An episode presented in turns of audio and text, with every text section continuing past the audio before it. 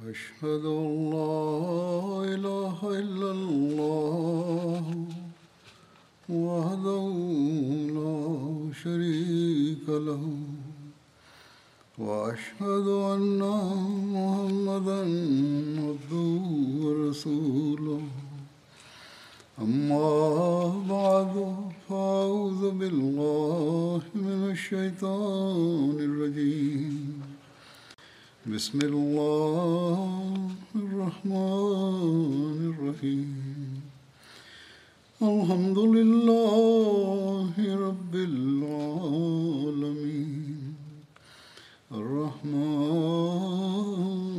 الرحيم. مالك يوم الدين. إياك نعبد وإياك نستعين. اهدنا الصراط المستقيم صراط الذين أنعمت عليهم غير المغضوب عليهم ولا الضالين Nastavlja se priča o događajima nakon bitke na Bedru.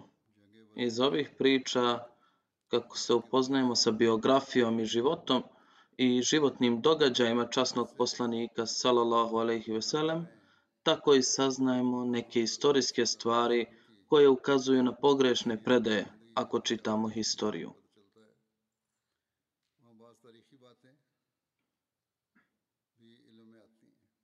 Zbog takvih predaja ide pogrešna slika islama protivnicima i oni to iskorištavaju da ocrne islam i oni koji su radikalni muslimani ostvaruju svoje ciljeve.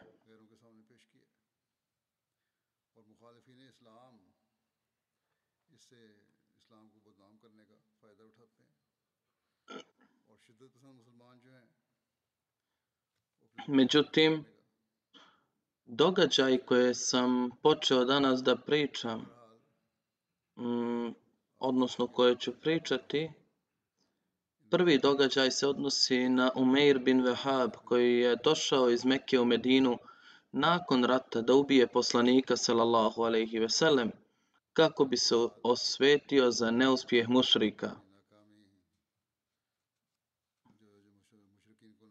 Ali Allahova sudbina je tu učinila nešto drugo i omogućila mu da prihvati islam.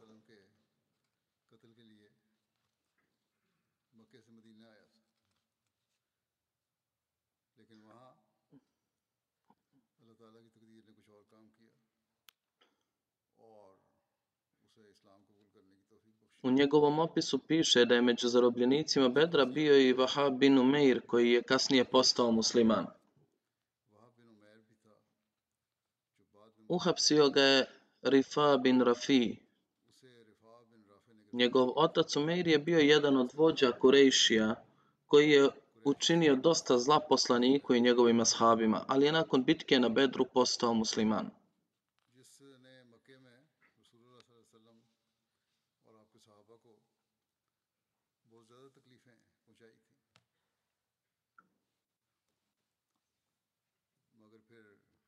Prenosi se da prije nego što je postao musliman jednog dana Umeir i Saufan, Safvan bin Umeija su sjedili pored Hatima u Mekki.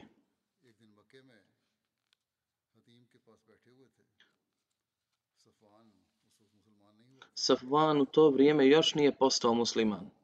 Obojica su pričali o svom porazu u bitci na Bedru, i o svojim velikim vođama koji su poginuli u toj bitci. Safwan je rekao, tako mi Boga, nakon ubistva ovih poglavica život je postao besmislen. A Umeir je odgovorio, tako mi Allaha ti govoriš istinu. I dodao je, da nisam imao duga prema jednoj osobi i trenutno ne mogu da to otplatim i da ne bih morao razmišljati o svojoj ženi i djeci, jer oni bi mogli postati siromašni iza mene. Ja bih onda otišao kod Muhameda jer imam opravdan razlog za odlazak, jer moj sin je zarobljen kod njega pa bi ga ubio.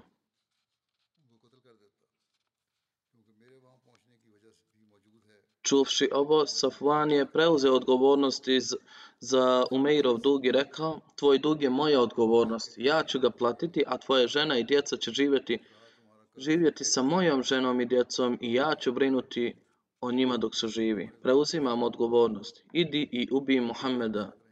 Neuzabillah.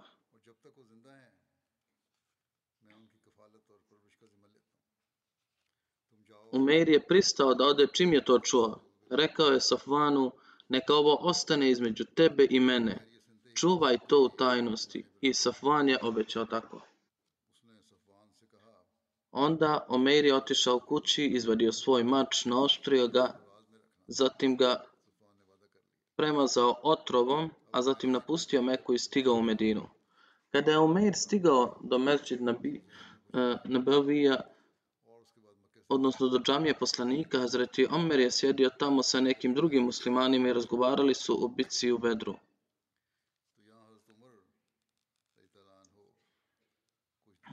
Čim je Umeir spustio svoju kamilu na vrata poslanikove džamije, Hazreti Omer je vidio da Umeir silazi sa mačem u ruci.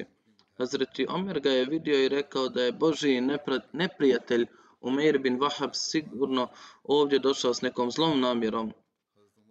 Tada je Hazreti Omer odmah ustao odatle i otišao do časnog poslanika sallallahu alejhi ve sellem u njegovoj blagoslovljenoj kući i rekao: o Allahov poslaniče, ovaj Božiji neprijatelj Umeir bin Vahab je došao sa golim mačem. Poslanik je rekao, dovedi mi ga, nema problema, neka on dođe. Hazreti Omer je, Hazreti Omer je došao, odnosno otišao pravo do Umeira i uzeo Umeira držeći remen za mač koji mu je ležao oko vrata, pa ga je tako vodio.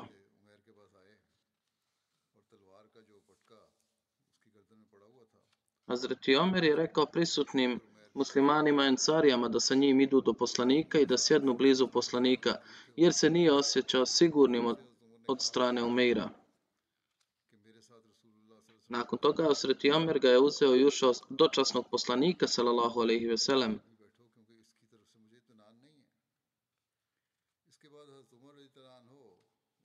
Kada je časni poslanik vidio da Hazreti Omer dolazi sa svojom rukom čvrsto držeći remen Umeirovog mača koji mu je bio oko vrata, rekao je Omere, pusti ga. Zatim je rekao Umeir, priđi. Pa je Omer priš, Umeir je prišao i prema manirima džahilijeta pozdravio je govoreći Anamu au Savaha. Poslanik sallallahu alejhi ve sellem je rekao: Omeire, islam nas je počastio boljim pozdravom od tvog, a to je pozdrav ljudi iz dženeta. Zašto si došao, reci mi? Je odgovorio, došao sam da, razgovara, da razgovaram o svom zarobljenom sinu koji je pod nadzorom vaših ljudi. Pa vas molim i nadam se da ćete dobrovoljno i dobrotvorno postupati u ovom predmetu. Poslanik sallallahu alejhi ve sellem gledajući njegov mač, šta onda znači ovaj mač, je rekao. Umer rekao, neka Bog uništi ovaj mač. Da li si nam ostavio ikoga dostojnog? Ovaj mač nas i ranije nije podržavao. Poslanik sallallahu alejhi ve sellem je rekao, reci mi istinu, zbog čega si došao? Poslanik nije vjerovao u njegovu priču.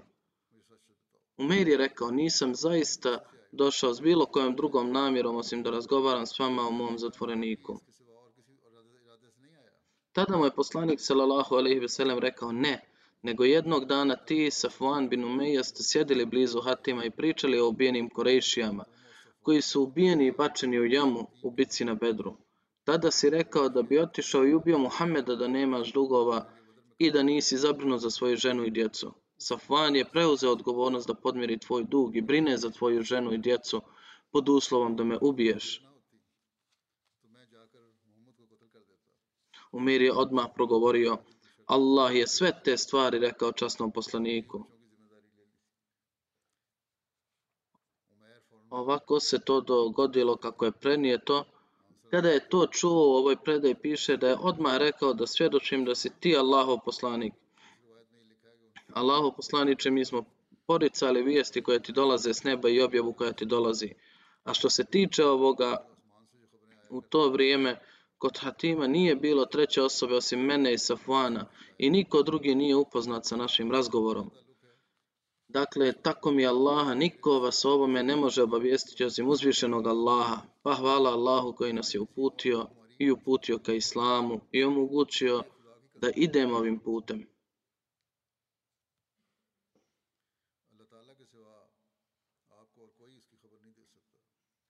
Nakon toga je Omer preučio šehadet, a zatim je časni poslanik sallallahu alejhi ve sellem rekao ashabima: Naučite svog brata vjeri i naučite ga časnom Kur'anu i oslobodite njegovog zarobljenika. Ashabi su odmah poslušali naredbu.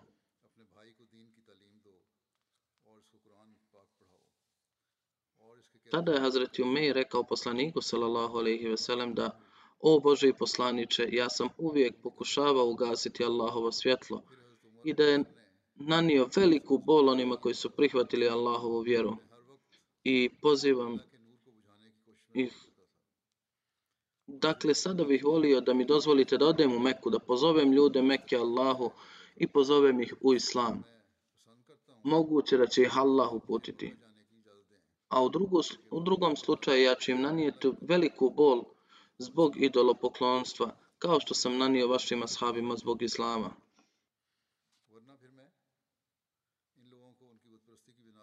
Poslanik sallallahu alejhi ve sellem mu je dao dozvolu da ode u Meku.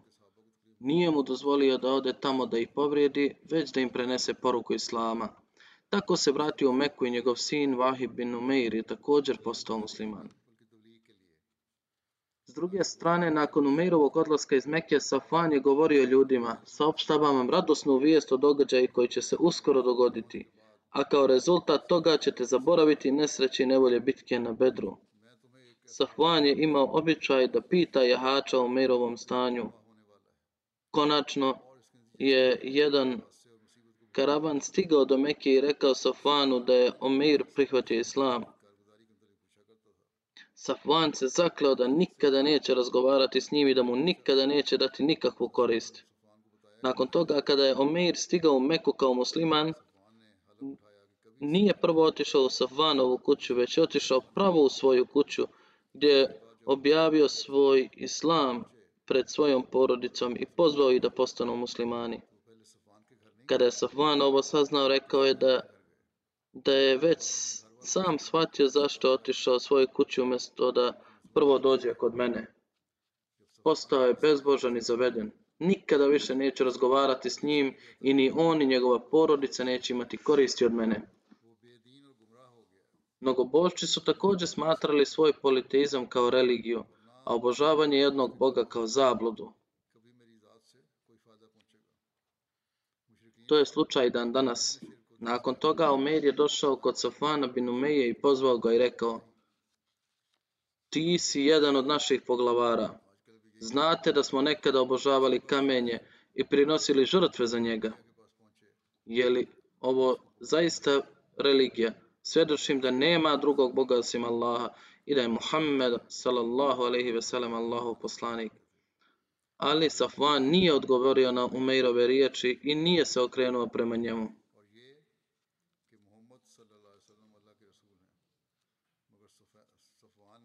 U vezi ovog događaja Hazreti Mirza Bashir Ahmad Sahib je također napisao u Sirat Hatame Nebin da nevjernici Mekke koji su se do sada borili samo na osnovu vanjske snage i arogancije sada su počeli da se okreću tajnim i prekrivenim zavjerama zbog poraza od muslimana na otvorenom polju. Dakle, ovaj događaj, ovaj historijski događaj koji se desio samo nekoliko dana nakon bitke na Bedru je primjer ove opasnosti. Navodi se da je nakon nekoliko dana Bedra Umeir bin Wahabi Safwan bin Umeija bin Half koji je bio među poglavarima Kurešija, da su sjedili bliz, u blizini Kabe i tugovali za ubijenima na Bedru. Ponavljali su iste stvari koje su ranije spomenute, on je ovdje to napisao. Uglavnom, oni su razgovarali. Govorili su da život više nije zabavan, a Umer je također rekao da sam spreman riskirati svoj život ako me moj dug ne spriječi i da nije bila briga i da me nije bila briga za moju djecu. Čak imam opravdan izgovor, moj sin je zarobljen kod njega. Odlaskom tamo, ja ću ubiti časnog poslanika, salallahu alaihi veselam. Neuzubillah, da Allah sačuva. Međutim, Safvan je obećao da će iza njega otplatiti njegov dug, vodit će brigu oko djece, kao što je ranije spomenuto.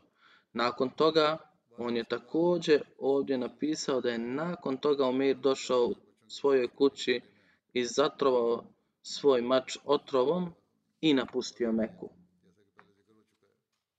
Kada je stigao u Medinu, Hazreti Omer, koji je bio veoma pametan u ovim stvarima, uplašio se kada ga je vidio i odmah otišao do poslanika, sallallahu alaihi veselem, i rekao da je Umeir došao i da nisam zadovoljan njim. Poslanik, sallallahu alaihi veselem, je rekao, dovedite ga meni. Hazreti Omer je otišao da ga dovede i na putu je također rekao sahabima da dovodi Umeira da se sastane sa časnim poslanikom, sallallahu alaihi veselem, pa idite kod poslanika i sjedite tamo i budite oprezni. Nakon toga, Hazreti Omer je prisustvovao službi časnog poslanika, sallallahu alaihi veselem, u pratnji Umeira. Poslanik, sallallahu alaihi veselem, ga je smjestio blizu sebe i ljubazno ga upitao Umeir šta je svrha tvog dolaska. Umeir je rekao, moj sin je zarobljen kod vas, došao sam da ga oslobodim. Pa poslanik, sallallahu alaihi veselem, je rekao, onda zašto je ovaj mač zadržan, zašto ga nosiš? Rekao je, šta vi pričate o maču? Šta su mačevi radili u Bedru? Počeo je vrlo mudro razgovarati. Pa poslanik sallallahu alejhi ve sellem je rekao: "Ne, reci mi tačno zašto si došao." Ponavljao je isto da je došao da oslobodi svog sina. Na to je poslanik rekao: "Pa to je kao da nisi urotio zajedno da se nisi urotio zajedno sa Safvanom u dvorištu Kabe. Nagovijestili ste zavjeru." Nakon što je ovo čuo, Mir je začudio. Umir se začudio, ali došao je k sebi i re- i rekao je, ne, ja nisam rad- radio nikakvu zavjeru. Poslanik je rekao, zar nisi planirao da me ubiješ? Ali zapamti, Bog ti neće dozvoliti da dođeš do mene. Umeir je pao u duboku zabrinutost i tada je rekao, govorite istinu, mi smo ovo zaista smislili, ali izgleda da je Allah sa vama, koji vas je obavijestio o našim namjerama. Inače, u vrijeme kada smo ja i Savvan razgovarali, tada nije bilo treće osobe i možda je Bog napravio ovo radi mene da bi došao do imana. Pa stoga, ja od sad vjerujem u tebe svim srcem. Poslanik sallallahu alejhi ve sellem je bio zadovoljan i sretan Umeirovom, Umeirovim islamom i rekao je ashabima: Ovo je vaš brat, obavijestite ga o učenju islama i oslobodite njegovog zarobljenika. Umeir bin Wahab je postao musliman i vrlo brzo je napravio značajan napredak u vjeri i iskrenosti i konačno se toliko zaljubio u svjetlo pravednosti da je molio časnog poslanika sallallahu alejhi ve sellem da mu dozvoli da ide u Meku da bi tim ljudima mogao prenijeti poruku. Poslanik sallallahu alejhi ve sellem mu je dao dozvolu i Umeir je stigao u Meku i tajno preveo mnoge ljude na islam svojim revnim prenošenjem poruke. Safvan koji je također koji je poželjkivao da čuje vijest o ubistvu časnog poslanika sallallahu alejhi ve sellem i govorio je Kurešijama da sada treba da budete spremni čuti dobre vijesti kada je ugledao ovaj prizor ostao je zapanjen. Nakon Bedra neki ljudi su također postali muslimani, ali su bili licemjerni. Među njima je bio i Abdullah bin Ubejd bin Salul. Allama ibn Kasir piše u komentaru 9. i 10. ajeta sure Bekare da kada se dogodila bitka na Bedru i kada je Allah svemogući pobjedio i svoju riječ i, podario poštovanje islamu i narodu islama, odnosno muslimanima, Abdullah bin Ubej bin Salul koji je bio vladar Medine i on je bio iz Benu Ha- Haradža je bio poglavar ova dva plemena u džahilijetu, odnosno Aus i Hazrađ. Ovi ljudi su odlučili da će on vladati njima, to jest oni su Abdullaha bin Ubej, Ubeja postavili za svog poglavara. Postoji predaj da su njegovi ljudi bili zauzeti pripremanjem da ga postave kraljem praveći krunu, a u isto vrijeme je došlo dobro, to je stigle poruka Islama i ljudi su prihvatili Islam i zaboravili njega. Iz tog razloga on više nije mogao podnijeti Islam i muslimane. Kada se desio incident na Bedru, rekao je da ova stvar sada postaje dominantna. U početku je mislio da je malo ljudi, ali kada je bitka na Bedru dobijena, zabrinuo se da je ja, pa je javno prihvatio Islam. A sljedeći njegove stope Islam je prihvatila i grupa njegovih sljedbenika, a sa njima su bili i neki od ljudi knjige. Mirza Bashir Ahmad je o tome pisao ovako. Do sada su mnogi ljudi iz plemena Aus i Hazrađa u Medini bili privrženi politeizmu. Pobjeda Bedra stvorila je pokret među ovim ljudima i mnogi od njih su se uvjerili u istinitost Islama nakon što su vidjeli ovu veliku izvanrednu pobjedu časnog poslanika sallallahu alejhi ve sellem. I nakon toga idolopoklonički element iz Medine počeo da se smanjuje velikom brzinom, ali bilo je nekih u čijim srcima je ova pobjeda Islama zapalila iskru zlobe i zavisti. I oni su smatrali otvorenu otvorenom opozicijom protiv mudrosti i, i u, u javnosti samo prihvatili islam. Ali su bili izloženi njenoj eksploataciji pridružili se grupi licemira. Najistaknutiji među ovim ljudima bio je Abdullah bin Ubej bin Salul, koji je bio vrlo poznat poglavica plemena Hazrađa i koji je pretrpio šok od oduzimanja vodstva kao rezultat poslanikove posjete Medini.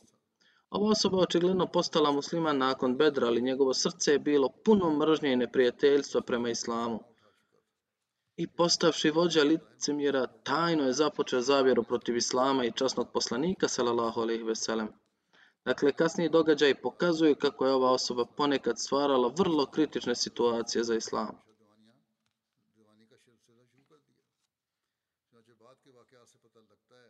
Ovo ima dugu istaknutu historiju za ovo.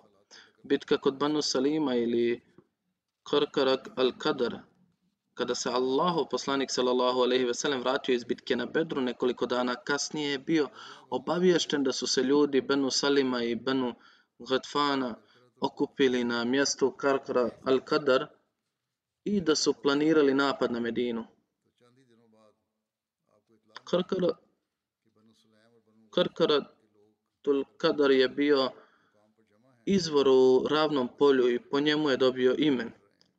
Ovo se nalazi na udaljenosti od 96 milja od Medine, na glavnom putu od Mekke do Sirije, na putu za Najd. Međutim, nakon što je primio ovu vijest, Allahu poslanik, sallallahu alaihi veselim, je odlučio da odmah krene prema Benu Salimu i Benu Gatfanu i uništi njihove pokvarene namjere. Dakle, poslanik sallallahu alejhi ve sellem lično uz 300 ashaba krenuo je u Karkara ul Kadru. Postoje različita mišljenja o odlasku. Prema Ibn Ishaku, Allahu poslanik sallallahu alejhi ve sellem krenuo je u ovaj pohod na kraju Ramazana ili početkom Ševala. Dva hidžrija, sedam dana nakon povratka iz bitke na Bedru. U Tabakat Ibn Sadu je zapisano da se pohod Banu Selim dogodio 6. Džumadio Levela. Prema Vakidiju bitka se odigrala polovinom Muharrema treće hidžre, odnosno treće godine nakon hidžre. Prema Vakidija su gener, predaje Vakidija su generalno slabe. Ovu ekspediciju je predvodio Allahov poslanik, sallallahu alaihi veselima, Hazreti Ali je bio njegov zastavonoša, a boja islamske zastave, zastave je bila bijela. Allahov poslanik sallallahu alejhi ve sellem odao je čast posjete Hazreti Abdullahu ibn Ummu Maktumu u Medini. Također se kaže da je Allahov poslanik sallallahu alejhi ve sellem ovom prilikom imenovao Hazreti Seva bin Arafa Gafarija sa svog zamjenika u Medini.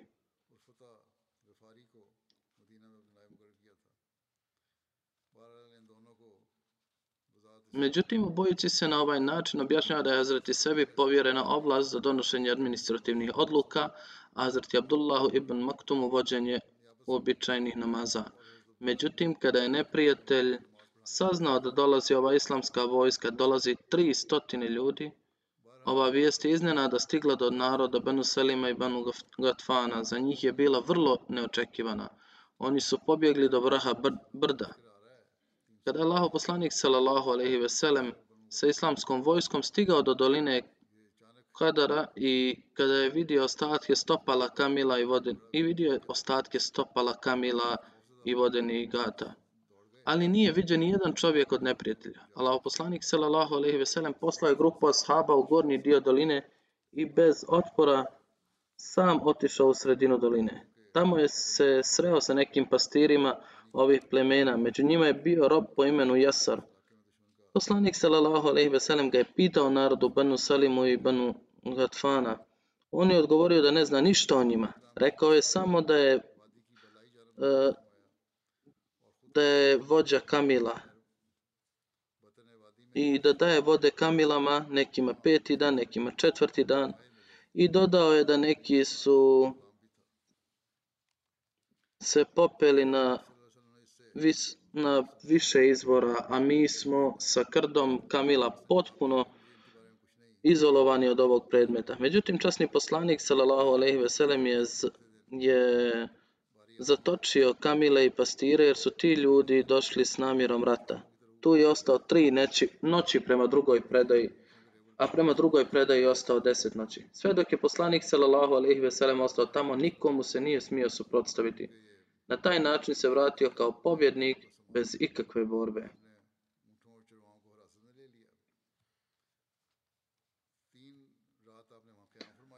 U predaji se navodi da je broj kamila koje je poslanik sallallahu alejhi ve sellem dobio kao plijen bio 500. Zato što su ti ljudi došli radi rata i tu su ostavili svoje hm, imanje, pa je po tadašnjim običajima bilo dozvoljeno uh, zatočiti njihovu imovinu. To je bio ratni plijen.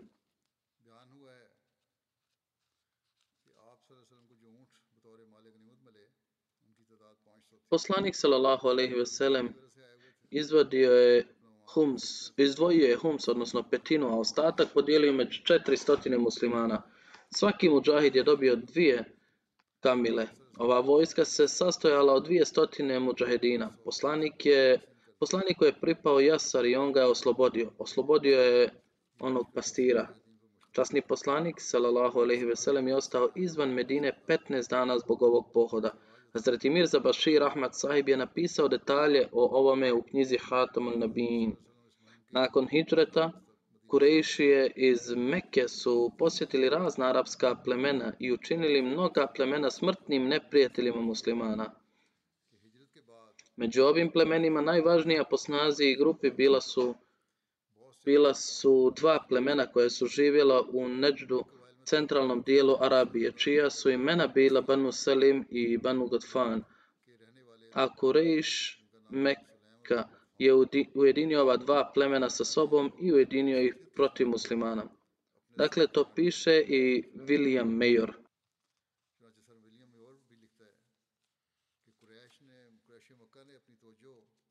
اس نجدی علاقے کی طرف پھیری اور اس علاقے کے قبائل کے ساتھ आगे से भी ज़्यादा गहरे ताल्लुकात कायम कर लिए और उस वक्त के बाद कबाइल सलेम व गतफान मोहम्मद वसल्लम के सख्त दुश्मन हो गए और उनकी इस दुश्मनी ने मुसलमानों के खिलाफ अमली सूरत Kurejši iz Mekke su skrenuli pažnju na ovu Nađdi regiju i uspostavili još bliže odnose sa plemenima ove regije i nakon tog vremena plemena Salimi Gatfan su postali ogorčeni neprijatelji Muhammeda sallallahu alejhi ve sellema, njihovo neprijateljstvo je počelo djelovati. Stoga su kao rezultat podstrekivanja Kurešija i praktičnog primjera Ebu Sufijana odlučili da napadnu Medinu.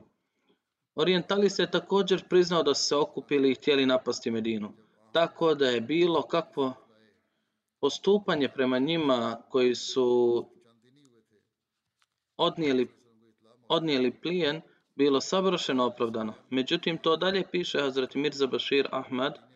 Dakle, kada se časni poslanik sallallahu alejhi ve sellem vratio sa Bedra, prošlo je samo nekoliko dana od kako je on stigao u Medinu i dobio je informaciju da se velika vojska plemena Salim i Gatfan sprema za napad na Medinu i okupljaju u Karkaraul Kadaru s namjerom napada. Dolazak ove informacije također e, tako blizu bitci na Bedru pokazuje da kada je vojska Kurešija napustila Meku s namjerom da napadne muslimane, u isto vrijeme od vođa Kurešija sigurno je poslata poruka Salimu i Gatfanu da napadnu Medinu s druge strane. Ili je također moguće da je Ebu Sufjan kada je pobjegao sa svojim karavanom potaknuo ova plemena da izađu protiv muslimana preko glasnika i tako dalje. Međutim, časni poslanik sallallahu alejhi ve sellem je upravo stigao u Medinu nakon završetka bitke na Bedru kada je primio strašnu vijest da će plemena Salim i Gadfan napasti muslimane. Kada je čuo ovu vijest, poslanik je odmah poveo grupu ashaba i otišao u Neždi s predostrožnosti. Ljudi Salama i Banu Gadfana su se sakrili u planinama nakon što su čuli za dolazak islamske vojske. Časni poslanik sallallahu alejhi ve sellem poslao je grupu muslimana u potragu za njima i sam krenuo prema sredini doline, ali im nije pronađen nikakav trag. Međutim, našlo se veliko krdo njihovih kamila kako pase u jednoj dolini, koje su ashabi zarobili po zakonima rata, koji su tada bili zakoni rata, nakon toga se poslanik sallallahu alejhi ve sellem vratio u Medinu. Pastir ovih kamila bio je rob po imenu Jasar koji je bio zatvoren zajedno sa kamilama. Druženje sa časnim poslanikom sallallahu alejhi ve sellem imalo je takav uticaj na ovu osobu da je ubrzo postao musliman. Iako, iako ga je poslanik sallallahu alejhi ve sellem oslobodio, on je do kraja života bio sa poslanikom i služio ga.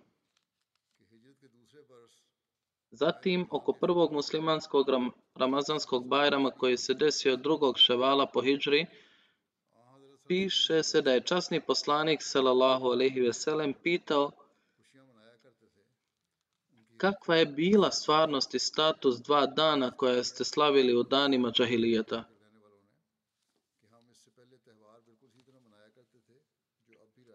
Rečeno mu je da mi kao domaći stanovnici smo slavili festival na isti način kako se to još uvijek praktikuje. Rekao je, Allah vam je odredio bolje dane od ova dva praznika. Ashabi su nestrpljivo pitali koji dan u Allahu poslaniče. Časni poslanik sallallahu alejhi ve sellem je rekao Ramazan Bajram i Kurban Bajram. Ovih dana niko ne smije da posti, nego treba da jede, pije i veseli se. U ova dva bajrama posjećivali ste Idgah, to jest mjesto gdje se klanja bajram namaz. Idgah je bio na istočnoj strani Medine. Na dan Bajrama, na Bajram se odlazilo jednom rutom i vraćalo se drugom rutom. Taj odlazak bi ličio na marširanje i nemuslimani bi se plašili od te grupe muslimana. Jednom je klanjao Ramazanski Bajram u Mežid na Baui, jer je tokom tog namaza padala jaka kiša. Hazrat Mirza Bashir Ahmad je ovom Bajramu napisao da je ono što je napisao u vezi sa Ramazanskim Bajramom da nakon što je Ramazanski post postao obaveza prilikom zadnjih dana Ramazana poslanik sallallahu alejhi ve sellem izdao naredbu sadakatul fitra odnosno da svaki musliman koji ima mogućnost treba platiti kao milostinju prije Bajrama jedan sa po osobi u svoje ime i njegovu porodicu i izdržavan, izdržavane članove datule, grožđe, džem, žito i tako dalje. A ovu milostinju treba podijeliti među siromašne, siročade, udovice i tako dalje. Kada bi se strane imućne kada bi sa strane imućne ljude ovo bi bila nadoknada slabost posta, a za sirotinju povodom Bajrama bila bi pomoć. Prema tome, prema naredbi poslanika sallallahu alejhi ve sellem prije svakog ramazanskog bajrama od svakog muslimana, muškarca i žene redovno se prikupljao sadakatul fitar i dijelio siročadima, siromašnima i udovicama. Iste godine je počeo i ramazanski bajram, odnosno časni poslanik sallallahu alejhi ve sellem je naredio da mu muslimani nakon završetka mjeseca Ramazana da slave Bajram prvog dana Ševala. Ovaj Bajram je znak radosti što nam je uzvišeni Allah dao priliku da činimo i bade tokom Ramazana. Ali je velika čast što je poslanik sallallahu alejhi ve sellem odredio i bade da izrazimo tu radost. Stoga je naredio da se na dan Bajrama svi muslimani okupe na otvorom mjestu i klanjuju dva rekata namaza, a zatim nakon ovog namaza da slave ovu radost, jer kada je duša srećna, tijelo također ima pravo da bude srećno. U stvari, Islam je odredio Bajram na kraj svih velikih ibadeta koji se zajednički obavljaju. Dakle, džuma je Bajram za sedmične namaze koji dolaze nakon sedmičnih namaza koji se smatra najboljim od svih Bajrama u Islamu. Zatim, nakon post, posta Ramazan je određen Ramazanski Bajram nakon Ramazana. Također Kurbanski Bajram dolazi poslije Hadža koji se slavi drugog dana hađa. Svi ovi bajrami su sami po sebi imali oblik ibadeta. Stoga bajrami Islama imaju posebnu slavu i bacaju veliko svjetlo na stvarnost Islama i daju priliku da se shvati kako Islam želi da poveže svaki postupak muslimana sa sjećanjem na Allaha. Dakle, ovo je važnost Bajrama koji uvijek treba pamtiti ne samo radi veselja, već i radi spominjanja Allaha i ibadeta. Kaže da moramo tići iz historije, inače bi ispričao kako je Islam svakom pokretu muslimana i svakoj riječi i dijelu dao os, osnovu sjećanja na Allaha. Čak i jednostavne svakodnevne aktivnosti kao što su ustajanje, sjedenje, hodanje, spavanje, buđenje, jelo, piće, kupanje, preslačenje, nošenje, nošenje obuće, izlazak iz kuće, ulazak u kuću, odlazak na put, povratak s putovanja, uh, kada prodamo nešto, kupiti nešto, započeti, završiti sve, da se popneš e, na visinu, spustiš se sa visine, uđeš u džamiju ili izađeš iz džamije, sretneš prijatelja, suočiš se s neprijateljem, vidiš mlad mjesec, odeš svojoj ženi, čak i kineš i vršiš nuždu, također su povezani sa spominjanjem Allaha. Dakle, ovo je učenje Islama i svaki pravi musliman uvijek treba da ima ispred sebe da Allah uvijek u svemu bude ispred nas. U ovoj situaciji ako arapski mušrici kažu za poslanika sallallahu alejhi ve koji je zapravo bio donosilac ovog učenja, ali po muš, mišljenju nevjernika on je bio kreator ovog učenja, da je Muhammed sellem podstao opsjednut Bogom, ovo nije ni čudo. Zaista svjetovni čovjek ne može vidjeti ove stvari kao ništa drugo od ludilo, ali onaj ko je shvatio stvarnost svog bića zna da je ovo zapravo istinski život. Pravi život je da sjećanje na Allah uvijek treba da bude sa čovjekom. U ovom periodu spominju se i dva sumnjiva događaja nakon bitke na Bedru i prije Uhuda, za koje ako se i letimično pogleda, jasno je da se radi o izmišljenoj priči i jasno je i čini se očiglednim. Prvi incident je ubistvo Asme bint Marvana i navodi se u detalje da Hazreti Umeir bin Adi Hatmi je bio jedan slijepi ashab. Hazreti Umeir je postao prvi musliman u plemenu Benu Hatmi. Bila je druga godina po hijđri. Ostalo je pet noći Ramazana. Časni poslanik sallallahu alejhi ve sellem poslao Umeira bin Adi Hamtija Asmi bint Marvanu jevrejki ženi Mursada bin Zejda bin Hasan Ansarija koji je bio musliman.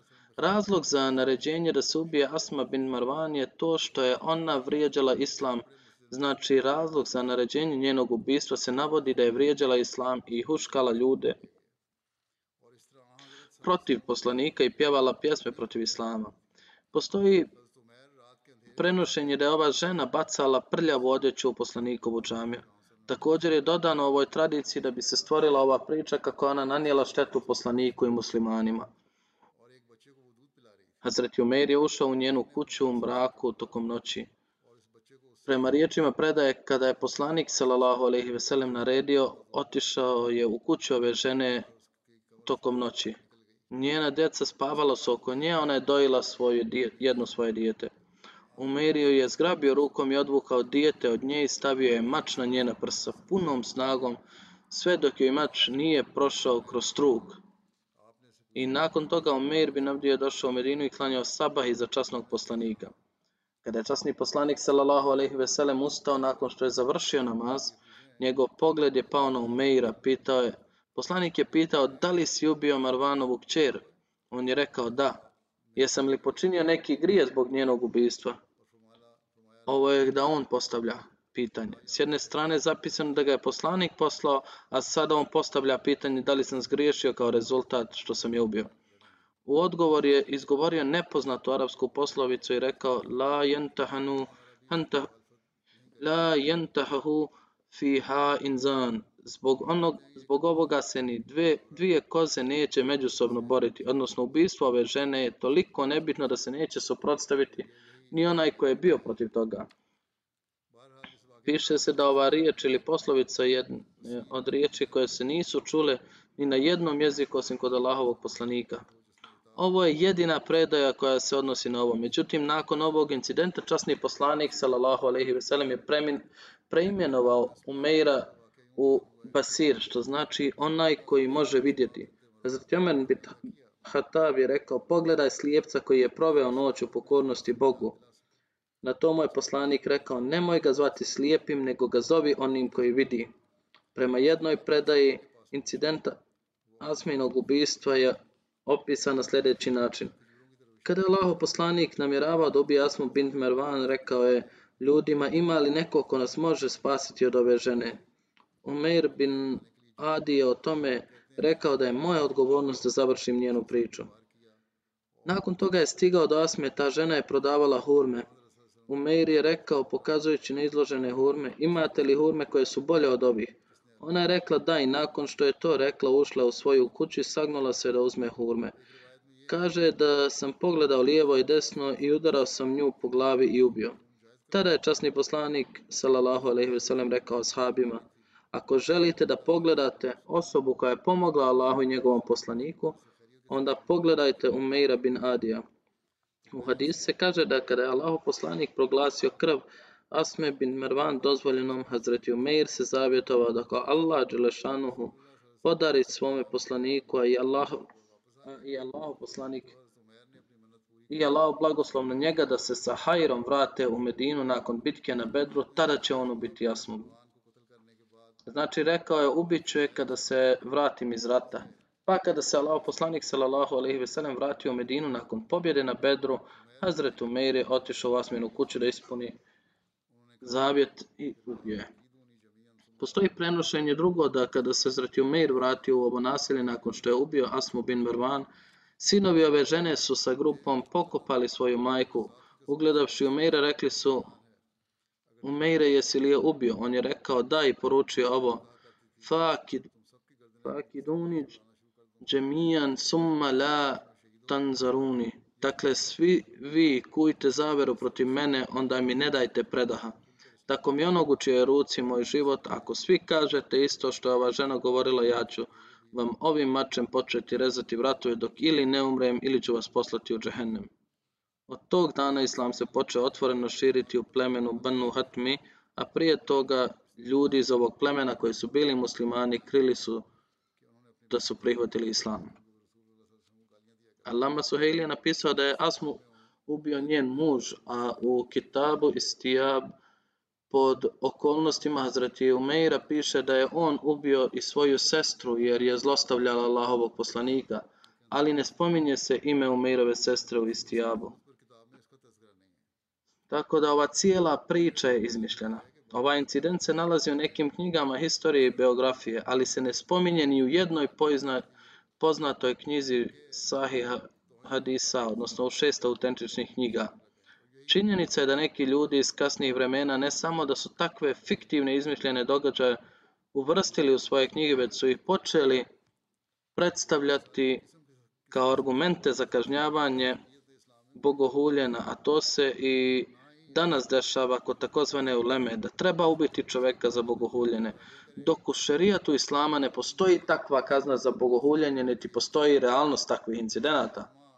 Na primjer, kada radimo analitičku studiju ovog incidenta, poznato je da je prije svega ova tradicija slaba u smislu lanaca prenosilaca i Alama al-Albani ovaj hadis proglasio kao meuzu, odnosno da je slab hadis. Dakle, Allama Nasir al-Din al-Albani je u svojoj knjizi Silsilatul hadis Zaifa wal Mavuza napisao da je jedan od njegovih naratora Muhammed bin Umar Wakidi koji je lažov i Ibni Muin ga ih je nazvao slabim.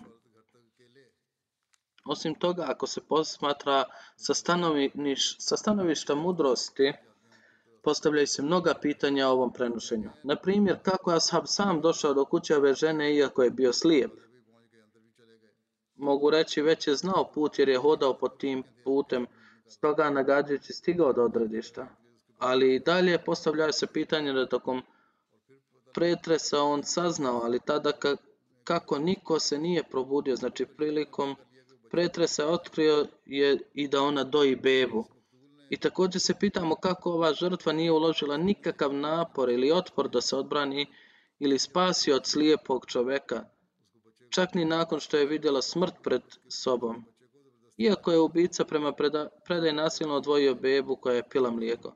Ubica je bio slijep, ali žrtva imala vido, onda zašto ona nije digla ruku, digla buku, niti se opirala?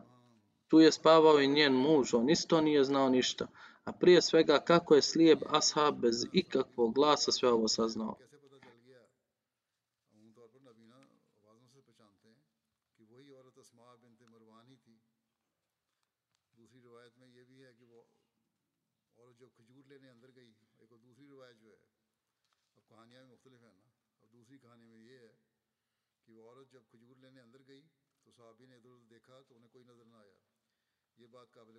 Generalno slijepi prepoznaju po glasovima da je ista žena bila Asma bin Varman.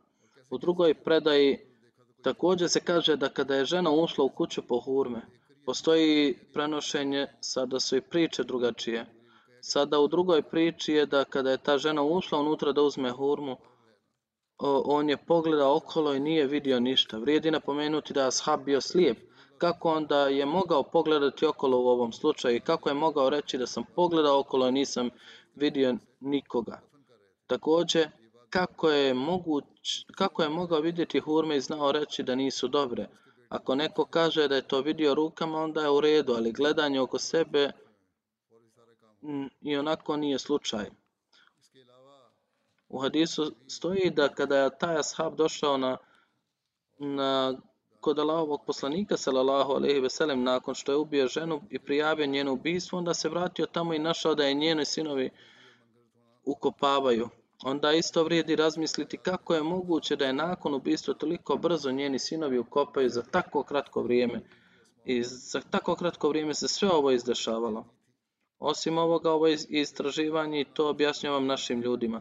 Druge razlike dokazuju da je događaj izmišljen. Među njima i je i ta da se u većini predaje žena zove Asma bint Marwan, dok prema pisu Al Istijabu ona nije bila Asma, već Umeirova sestra bin Adi. Drug, drugi je da se ime ubice na mnogim mjestima spominje kao Umeir bin Adi, ali se na nekim mjestima pojavljuje Amr bin Adi, dok se prema Ibn Daridu ime ubice uh, bilo Gašmir. Prema nekim drugim predanjima niko od navedenih nije bio ubica, već neko iz naroda ove žene dok je ona prodavala hurme. Prema, Prema Ibn Sa'du vrijeme ubijanja je sredina noći dok se u Zarkanijevoj tradiciji pojavljuje doba dana ili večeri jer prema predaji žrtva u to vrijeme je prodavala hurme. Zatim postoji nesuglasica oko napada. Žrtva je zadavljena, ubodena bodežom u stomak i tako dalje. Ubijena je noću u snu ili je zadavljena u svojoj kući pod izgovorom da uzima hurme. Zatim postoji to da je prema biografiji Ibn Hišama kada je Abu Ufk ubijen, ona je postala licemjer. Ovaj odlomak pokazuje da je prije bila muslimanka i da je postala licemjer nakon što je čula za ubijstvo Abu Ufka. Ako je prije bila muslimanka, kako je mogla pisati pjesme za vrijeđanje na račun poslanika i skrnaviti džamiju? Prema tradiciji Vakidija Umeir je rekao Zakleo sam se na Allaha da ako se vratim u Medinu sa Allahovim poslanikom, neka ga Allah blagoslovi i spasi, sigurno će ubiti. Dok prema Dairi Maurif, život, poslanik, život poslanika, on je bio slijep i zato nije mogao učestvovati u bici na Bedru. Ovaj isti pisac je kritikao bilješku Vakdija da je on učestvovao u bici na Bedru iako je bio slijep. sa, sami pomiješaju pogrešne predaje i zbune se. Ako ovo nije izmišljen događaj, zašto onda neke knjige istorije, biografije kao što su Tarih al-Tabari, Tarih al-Kasiri, tako dalje, nisu spomenule ovaj događaj. Samo nekoliko knjiga kao što su Tabakat al-Kubri, Ibn Sad i tako dalje su ga ukratko pominjale, dok neke uopšte nisu ni spominjale ovaj događaj, ali Vakidi je ovaj događaj spomenuo veoma detaljno. Ovaj događaj također se ne spominje čak ni u knjigama hadisa, iako su autori u knjigama hadisa uključili sve predaje koje se prepisuju Allahovom poslaniku. Pa zašto nisu prepisali ovaj događaj? Zatim ima i to da je prema predaje Allahov poslanik sallallahu alejhi ve sellem sam poslao ovoga sahaba da ubije ovu ženu, šta onda znači pitanje ashaba Božijeg poslanika da li će imati grijeha jer je ubio ovu ženu kao što sam prije rekao. Da se ovaj incident dogodio, jevreji bi sigurno rekli da zapravo muslimani su prvo prekršili savez ubivši Jasmu bin Marvan i htjeli narušiti mir u Medini, dok se historičari poput Uruzul Anf i Tariha al-Tabarija slažu da je prvi sukob između muslimana i jevreja da je Gazva Banu Kainka, dakle nije bila nikakva reakcija samih jevreja, tako da ove stvari čine ovaj događaj veoma sumnjivim i lažnim. Ekstremisti su ucrnili prelijepa učenja Islama dajući važnost ovakvim incidentima i danas nastavljaju izražavati ekstremizam protiv Ahmedija praveći slične priče i huškajući ljude. I drugi incident e, sličan njemu ću kasnije ako Bog da opisati. Također je jasno dokazano da je pogrešan.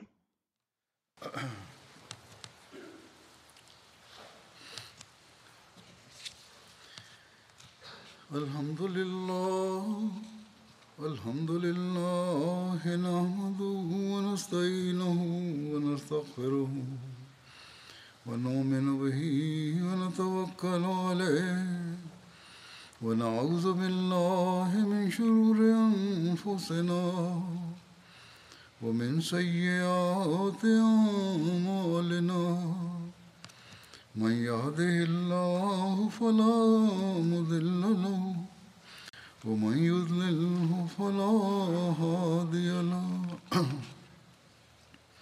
ونشهد أن لا إله إلا الله ونشهد أن محمدا عبده ورسوله. عباد الله رحمكم الله. إن الله يأمر بالعدل واللسان وإيتاء ذي القربى. وينهى عن الفحشاء والمنكر والبغي يعظكم لعلكم تذكرون. اذكروا الله يذكركم ودوه يستجب لكم ولذكر الله أكبر.